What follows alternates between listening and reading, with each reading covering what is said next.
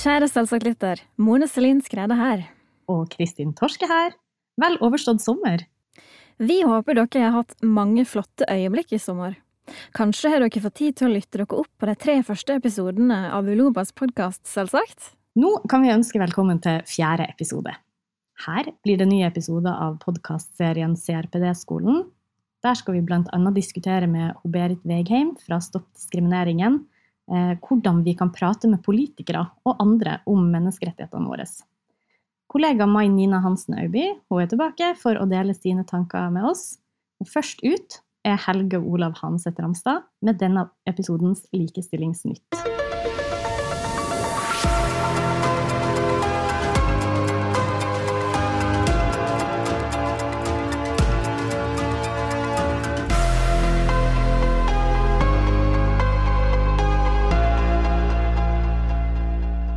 En nyhet ved årets stortingsvalg er at de av oss som trenger assistanse i valglokalet, kan velge selv hvem som skal assistere oss. Før måtte du ha med deg en valgfunksjonær, men det trenger du ikke lenger. Et skritt i riktig retning, men som Stopp diskrimineringen skriver på Facebook, Fortsatt gjenstår oppfyllelse av retten til å stemme hemmelig i størst mulig grad. Vi krever rett til å stemme elektronisk i valglokalet. Et nytt offentlig utvalg skal utrede situasjonen for norsk tegnspråk. Lederen for utvalget er professor Hilde Haualand, og utvalget skal foreslå hvordan tegnspråk skal bli lettere tilgjengelig i det som regjeringa kaller relevante sektorer. Hellas har nylig lagt fram en strategi for å kvitte seg med institusjoner for funksjonshemma. Det europeiske Independent Living-nettverket ENIL er glad for at Hellas forplikter seg til deinstitusjonalisering, men kritiserer at strategien verken inneholder tidsfrister eller løfter om å fjerne også små og mellomstore institusjoner. Er du usikker på hvilket parti som har den beste politikken for oss funksjonshemma? Da anbefaler vi deg å ta Uloba sin valgomat. Du finner den på nettsida vår på uloba.no valgomat. Spørsmålet handler om personlig assistanse og om FN-konvensjonen for funksjonshemmas rettigheter, kjent som CRPD. De to temaene er de viktigste for funksjonshemmas likestilling, og begge temaene forventer vi også å høre mer om fra Stortingets talerstol i neste stortingsperiode. Regjeringa har lansert ei handlingsplan for et universelt utforma Norge. Hvis du nå tenker at dette er gammelt nytt, kan det skyldes at dette er den fjerde handlingsplanen for universell utforming. Vi skal ikke liste opp alle de 65 tiltakene i handlingsplanen, men nevner at fengsler er unntatt fra målene om universell utforming. Ingen kommer seg ut, men vi funksjonshemma kommer oss heller ikke inn. Dette var Likestillingsnytt. Mitt navn er Helge Olav Haneseth Ramstad.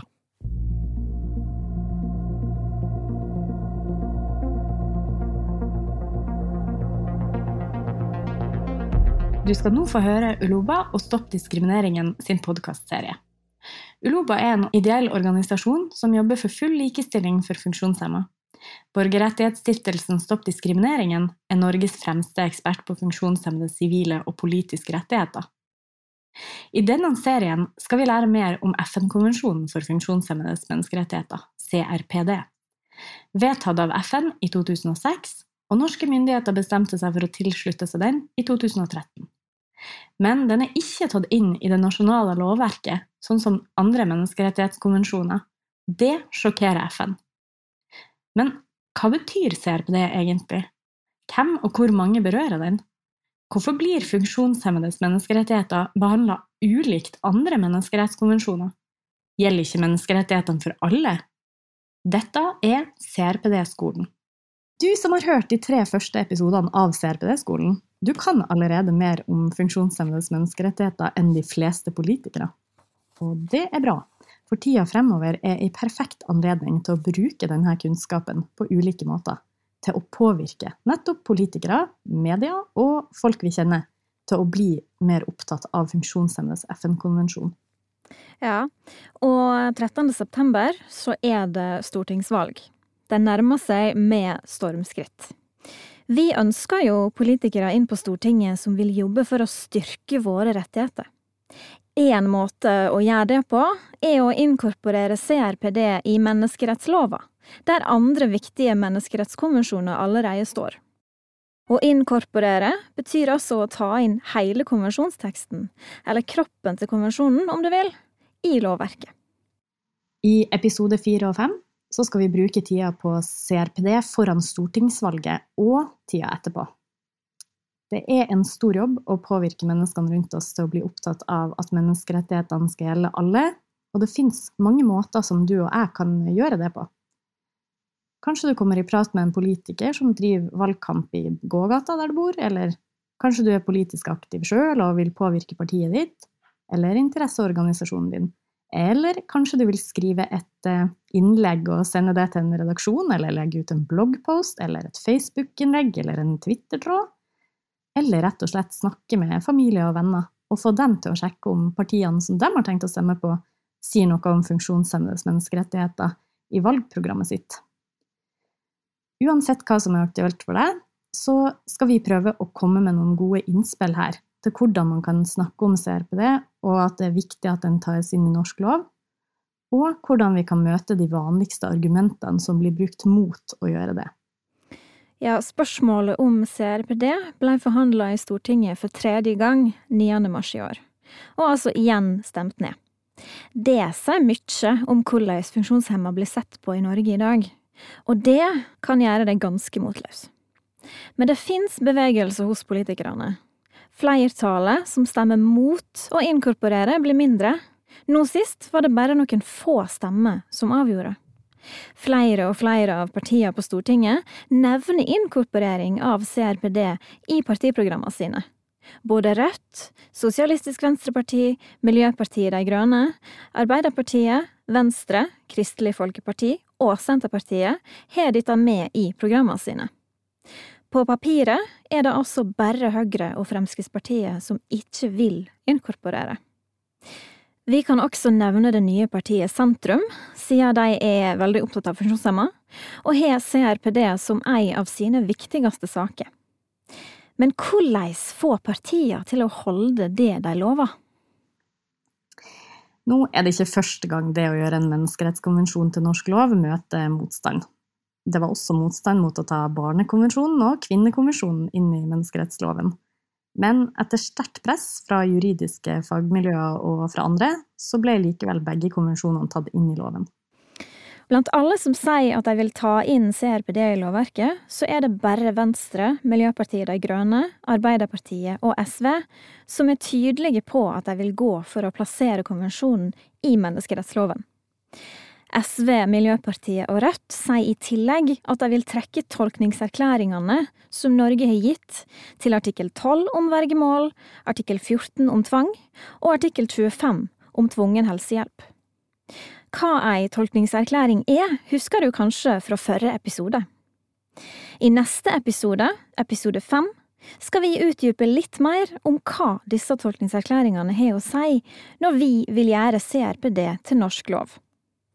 Men nå skal vi endelig snakke med Berit Vegheim fra Stopp diskrimineringen igjen, sånn at hun kan forklare nærmere hva som skjer når CRPD kommer rett plass i lovverket. Hun skal også gi oss gode tanker om hvordan en kan bruke det han nå vet, til å skape bevegelse i samfunnet.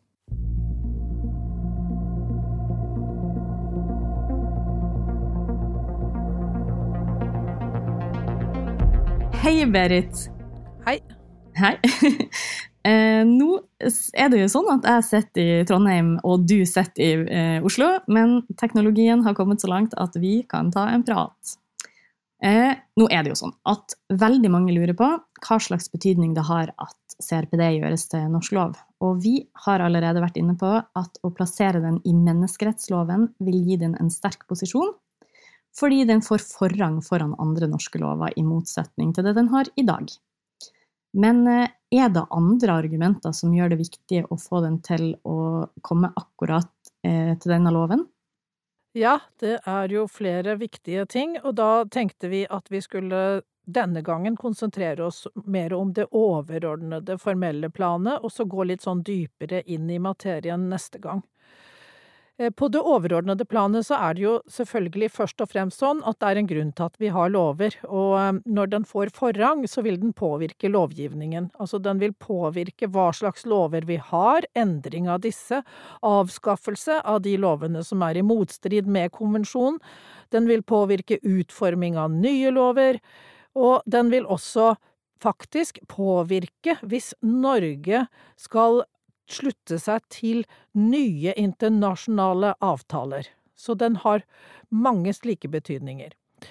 Eh, videre så vil den bli en aktiv rettskilde i domstolene, det vil si at eh, når saker er oppe i domstolene, da må eh, Høyesterett hele tiden vise til CRPD og passe mye bedre på at CRPD blir brukt av også domstoler på lavere nivåer. Altså den vil få en helt annen tydelig plass i dommene, eh, rettsavgjørelsene, som blir gjort. Så vil den påvirke også det kommunale såkalte selvstyret. Den vil begrense det selvstyret da, når den får et sånt nivå, altså at den er i menneskerettsloven, da vil vi merke det på at kommunene må vise en helt annen respekt og innstilling enn de gjør i dag. Deretter så er det også sånn at når politikk skal utformes, og man setter ned utvalg som skal utrede, lage offentlige utredninger, lage handlingsplaner osv., osv., alt innenfor politikken, da vil man se at CRPD vil bli trukket frem i mandatene, den vil bli trukket frem i behandlingen av alle typer temaer, altså man må se om CRPD har en relevans. Dette er sånne ting vi ser nå glipper hele tiden. Man bruker barnekonvensjon, kvinnekonvensjon og de universelle menneskerettskonvensjonene, men CRPD er oftere glemt og utelatt enn den er nevnt og lagt vekt på. Og så er det også det at den vil gjelde for privat sektor. I dag så kan man si at eh, det er litt slappere når den ikke har noen status, men da vil den også få en veldig mye tydeligere eh, betydning for privat sektor. Det gjelder alle typer organisasjoner, og det gjelder næringsliv og virksomheter av alle typer. Og det siste, men ikke egentlig det minste, det er at den vil få en helt annen oppmerksomhet i samfunnet. Altså, den vil bli erkjent og anerkjent og omtalt og trukket frem og brukt mer både av fagmiljøene og av forskere, og ikke minst i media. Så det er slike ting vil vi se med en gang, at det skjer, og da kan man bare legge merke til hvor ofte man hører om barnekonvensjon, for eksempel i dag. Ja, så da er det sånn at eh, i tillegg til at det vil få ganske mange rent praktiske, konkrete konsekvenser, så vil det også med en gang bli en signaleffekt som kan bli veldig stor. Ja. Sånn at mye større endringer kan skje i samfunnets syn på funksjonshemma, rett og slett. Ja, absolutt, det vil det. Det er ingen tvil om det. Og dette er kanskje det som høres litt kjedelig ut for eh, veldig mange av våre lyttere, men det er, dette er det som har størst betydning faktisk for at den virkelig skal sette seg i det norske samfunnet og være den som skal gi premisser og vektlegges. Ja, det å få den inn i, i lovverket.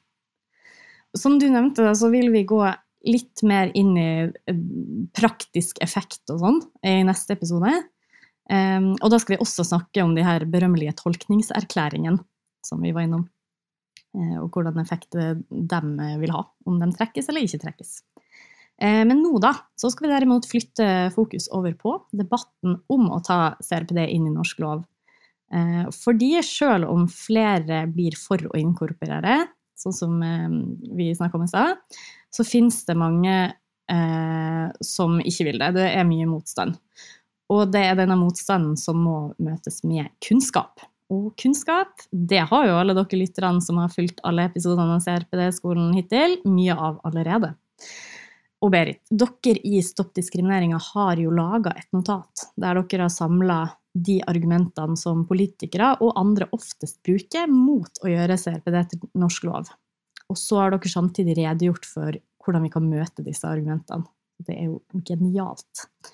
Eh, og nå tenkte vi at vi skulle gå gjennom noen av de viktigste påstandene til politikerne. Men hele dokumentet ligger også på nettsida deres, stoppdisk.no. Og der er det bare å gå inn og forsyne seg, så vidt jeg har skjønt. Politikerne sier jo gjerne at eh, det ikke er nødvendig å ta CRPD inn i norsk lov, fordi de mener det allerede er gjort. Den er der allerede gjennom at vi har eh, ratifisert den. Og fordi vi allerede har de universelle menneskerettighetene i menneskerettsloven. Hvordan kan vi møte disse argumentene? Da er det sånn at vi må ha noen argumenter klare. Det kommer masse påstander om at den gjelder som norsk lov, og at vi ikke trenger det, og som du sier at når vi har ratifisert, så er vi forpliktet til å følge, osv., osv. Og da skal vi først tenke på at hvorfor har vi norsk lov? Hvorfor er det noen konvensjoner inne i norsk lov i det hele tatt? Hvis det ikke har noen betydning, hvorfor i all verden har vi da en menneskerettslov? Hvorfor er det noen konvensjoner i denne menneskerettsloven? Og hvorfor har det hatt betydning at de er der? Så Først og fremst så skal vi møte politikerne med å stille motspørsmål, er, min, er mitt forslag. Altså, vi skal ikke i forsvarsposisjon, vi skal i angrep. Så da må vi få vite av politikerne hvorfor var det viktig i det hele tatt å ha menneskerettslov, hvorfor var det viktig å få kvinne- og barnekonvensjonen inn i den, osv. Så, så får de svare oss. Det er det første.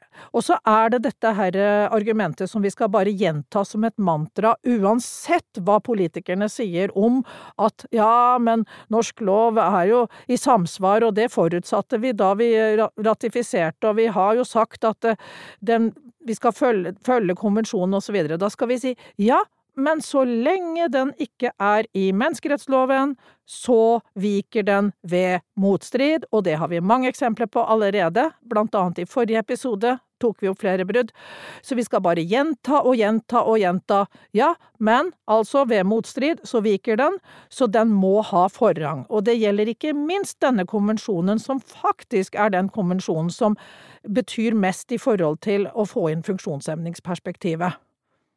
Det nevnes også noen gang fra politisk hold at CRPD allerede gjelder i norsk rett gjennom det såkalte presumsjonsprinsippet. Det er jo voldsomt snasent ord. Eh, hva betyr det? Nemlig, og det høres så flott ut, og det er da vi ikke skal la oss dupere av av, eh, av, av fremmedterminologi, ikke sant, for det høres, som du sier, snasent ut. Presumsjon, det betyr jo presume, det betyr antakelse. Det betyr bare det at prinsippet går ut på at vi antar at norsk lov er i samsvar med konvensjonen når vi tilsluttet oss den. Det er en antakelse.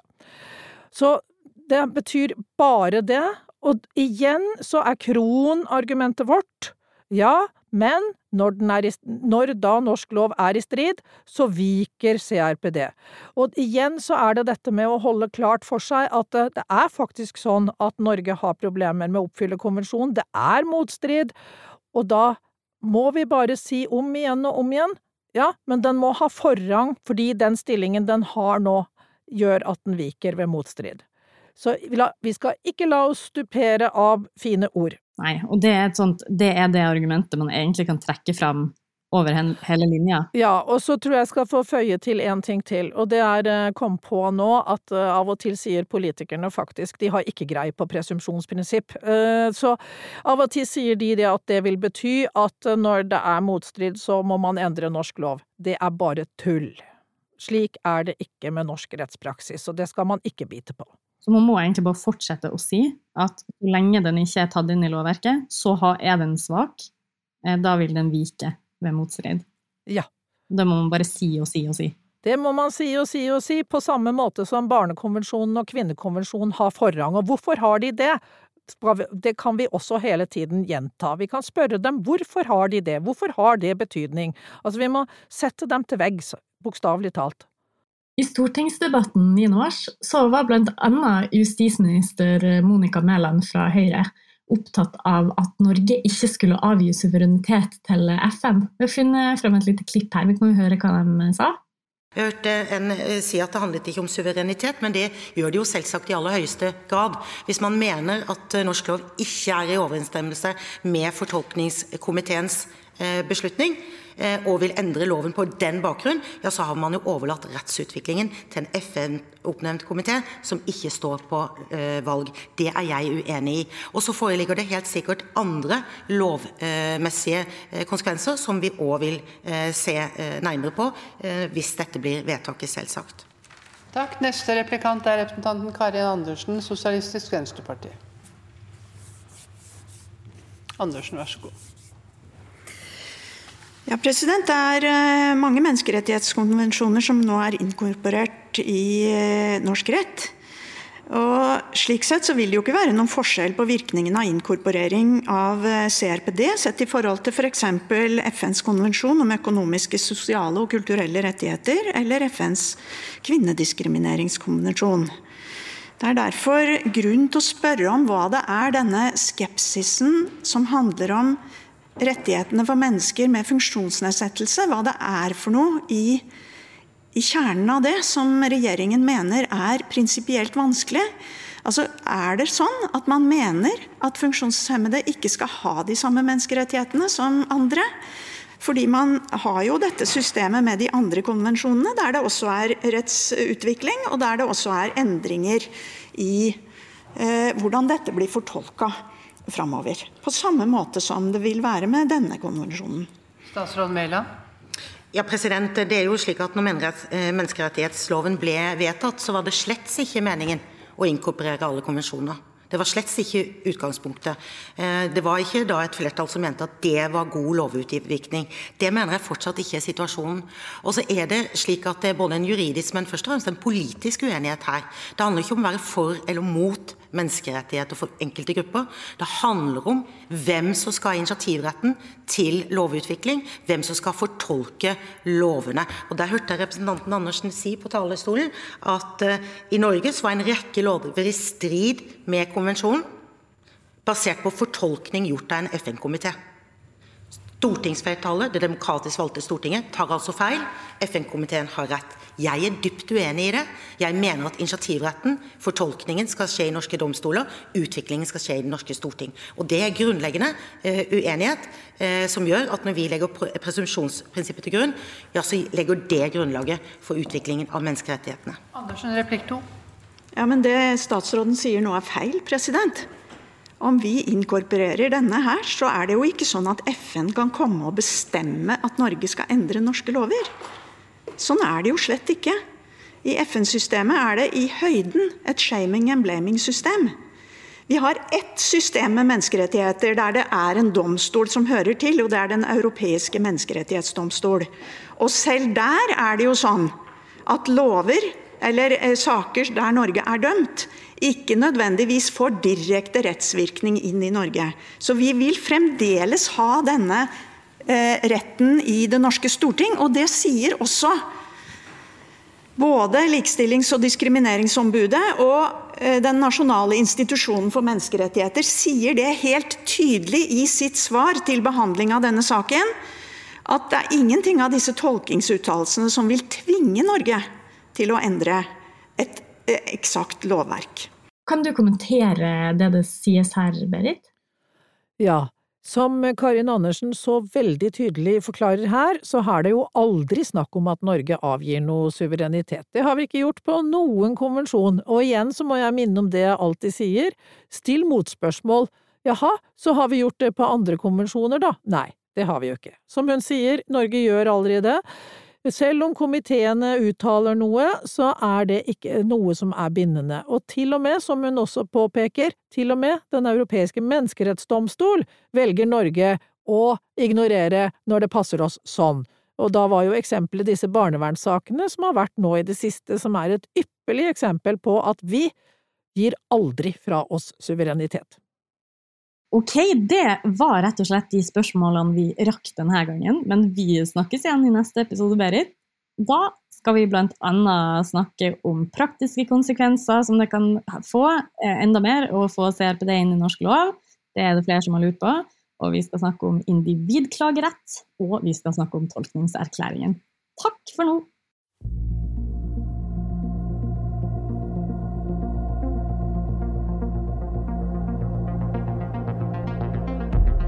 Da, kjære lytter, skal vi over til dagens refleksjon. Denne gangen har Mai Nina Hansen Øyby vikla seg inn i tankespinn og ønsket om å være usynlig.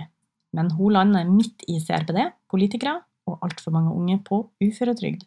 Hei! I dag så har jeg en sånn dag hvor tanker og følelser står litt i kaos og kø.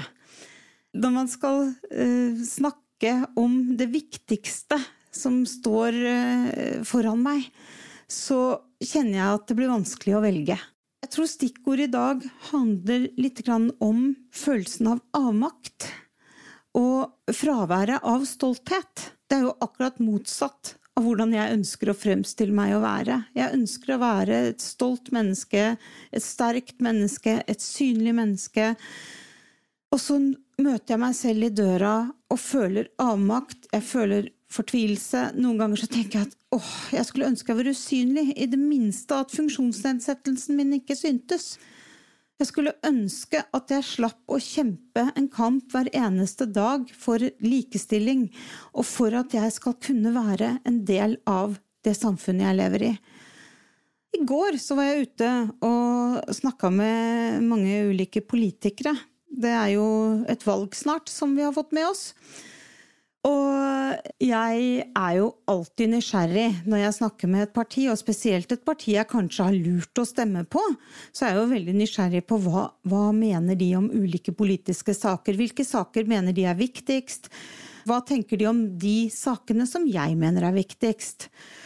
Og i denne valgkampen så mener jo jeg at likeverdet er viktigst. Jeg mener at Norge må implementere CRPD i norsk lov.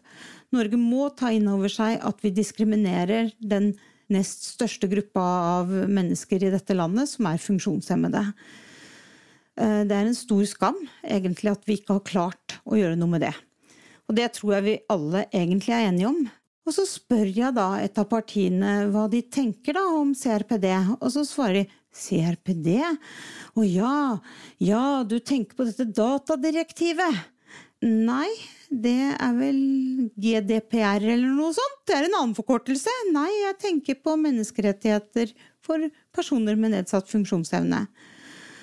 Og FN-konvensjonen. Å ja, nei, du skjønner, vi kan ikke følge med på alt. Ja, hva syns du er viktig sak, da? Hva syns du er viktig i denne valgkampen? Jo, jeg syns det er veldig viktig at vi nå har fått sett hvor mange som er på uføretrygd. Ja vel, Eh, og så tenker jeg, var det noe du sa fordi du så rullestolen min? Eller er det noe du virkelig tenker på? Og så får jeg lyst til å spørre om det, og så tør jeg ikke det. Da skulle jeg ønske jeg var usynlig med den rullestolen, og at jeg bare sto der som meg.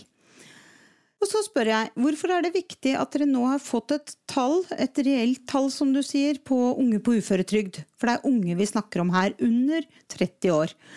Jo, fordi da har vi fått rydda opp i alle som gikk på arbeidsavklaring. Og jeg bare Hæ? Hva, hva, mener du med det? Jeg skal ikke begi meg ut på hva jeg tror at de mener og tenker, men så kommer neste setning.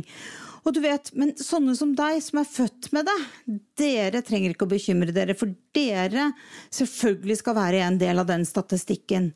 Og så ser jeg på damene og så sier jeg, du, jeg er i full jobb, og det har jeg vært i mange, mange år. Og, og det paradoksale av alt er at jeg har fått en skade nå som gjør at jeg ikke kan jobbe så mye. Men å få uføretrygd for å komme ut av arbeidslivet, nei, det er nesten umulig. Og hurra til Nav for det, at de har trua på at jeg fortsatt kan stå i arbeidslivet. Men når skal Nav tro også på at unge uføre, eller ikke bare Nav, men politikerne, når skal de tro på at unge uføre også er like potente til å jobbe som jeg som har jobba i mange, mange år? Det der undrer jeg meg utrolig over. Og jeg skjønner det, at det er vanskelig å være stolt når man ikke kommer inn i arbeidslivet og man blir stempla som ufør tidlig i livet. Jeg var også en av dem en gang som følte at jeg sto i et utenforskap. Sånn tror jeg det må føles når man ikke får ta del i det samfunnet man ønsker å være med i, og få gjøre våre samfunnsplikter. For det er jo sånn de fleste av oss ønsker å bli definert.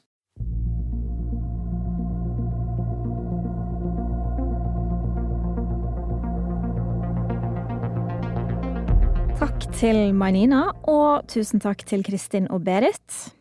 Og takk til deg som har fulgt med oss gjennom denne fjerde episoden av podkasten, selvsagt. Stopp diskrimineringens dokumentnotat finner du på stoppdisk.no. Direkte link ligger i episodebeskrivelsen til denne Selvsagt-episoden. Vi høres igjen om ikke lenge. I neste episode så får du i tillegg til Likestillingsnytt og refleksjon fra Hans, femte og siste del i podkastserien CRPD-skolen. Da skal vi snakke om hvordan både funksjonshemmerbevegelsen og vi enkeltindivider kan jobbe for å holde trøkket oppe rundt CRPD også etter valgdagen. Vi vil svare på flere spørsmål fra dere, så send inn til selvsagt at uloba.no. Vi i Selvsagt-redaksjonen er kjempeglad for at dere hører på, og vi har veldig lyst på tilbakemeldinger fra dere, så vi vet hva dere er opptatt av, hva dere vil at vi skal snakke mer om, og hva dere eventuelt vil at vi skal forbedre. Så samme adresse, selvsagt.uloba.no, kan dere bruke til å sende eh, ris, ros, hva som helst til oss.